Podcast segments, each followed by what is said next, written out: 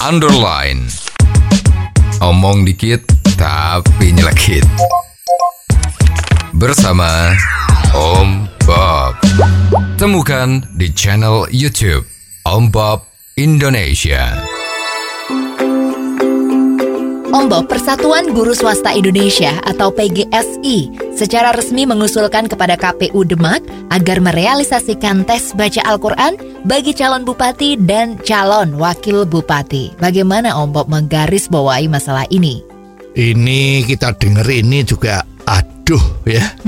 Kita punya pejabat-pejabat yang di dalam PGSI Persatuan Guru Swasta Indonesia.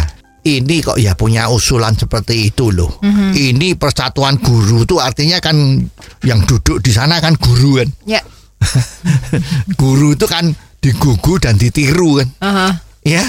Lah ini sekarang kok membuat usulan Ya. di dalam rangka pilkada Demak ya Ya. itu bahwa yang bisa lolos untuk jadi calon bupati itu harus dites apakah bisa membaca Al-Quran. Ya. Nah kalau mestinya seperti ini ya kalau nggak bisa baca Al-Quran ya berarti kan nggak lolos kan? Ya nggak? Ya. Ya. Baca Al-Quran itu kalau bahasa Jawanya itu bisa ngaji Aha. ya. Ya. Jadi saya bahasa sederhananya itu seperti itulah ya. Aha. Lah ini apakah sesuai dengan kisi-kisi atau rambu-rambu dari pemerintah Indonesia, Aha. negara tercinta kita ini yang dasarnya adalah Pancasila dan Bhinneka Tunggal Ika, Undang-Undang Dasar 1945. Hmm. Ini guru kok malah punya usul yang seperti ini. Alasannya apa sih Om Bob?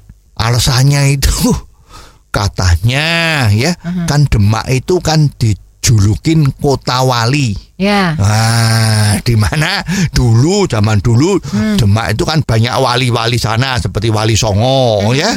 Nah, itu jadi mestinya yang jadi bupati itu ya juga harus seperti itu. Hmm. Ya. Lah syaratnya kalau mau jadi wali atau predikatnya itu tokoh agama yang hebat itu kan mesti harus bisa membaca Al-Qur'an. Ya. Nah, tapi rupanya guru kita ini lupa. Untuk memimpin itu ya tidak bisa kalau yang dijadikan acuan itu harus bisa membaca Al-Qur'an. Memimpin itu adalah yang dilihat orang ini mempunyai dasar-dasar kepiawaian di dalam memimpin atau tidak. Hmm. Kalau sekarang syaratnya itu harus bisa membaca Al-Quran.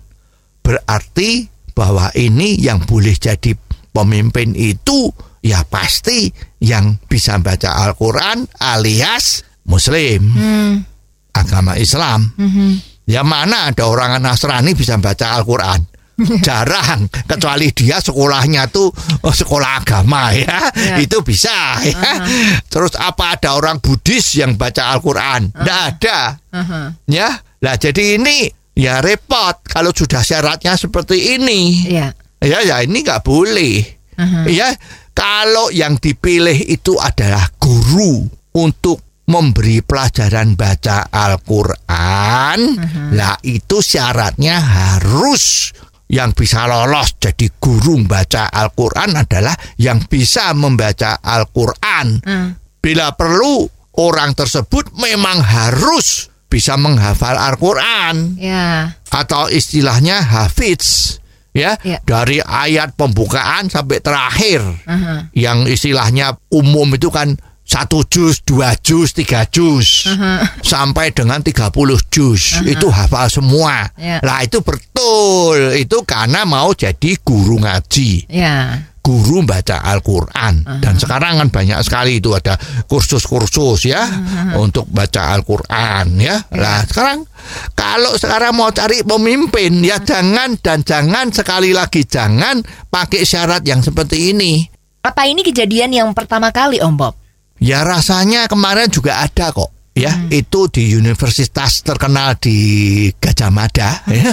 Itu juga pernah syaratnya kalau mau menerima mahasiswa yang dapat beasiswa adalah mereka yang bisa menghafalkan Al-Qur'an. Hmm. Itu kita bersyukur karena oleh Menteri Pendidikannya ya bahwa itu sudah tidak diperkenankan. Ya. Itu tidak sesuai dengan asas negara kita. Nah, sekarang ini belum ada setahun kok di Demak ini muncul lagi. lah ini ya pusing toh. Ya. Ya, gimana? Ya. Ya, jadi inilah potret negara kita. Ya, harus kita sadar bahwa kita memang masih banyak kurangnya. Jadi betul-betul hal-hal yang semacam ini harus diperhatikan Ya. dan ditindak dan dipublikasikan agar supaya jangan terjadi lagi. Oh, jadi begitu ya Om Bob. Jelas deh sekarang. Terima kasih Om Bob untuk waktunya. Sampai ketemu lagi di waktu yang akan datang. Underline. Omong dikit tapi nyelekit. Bersama Om.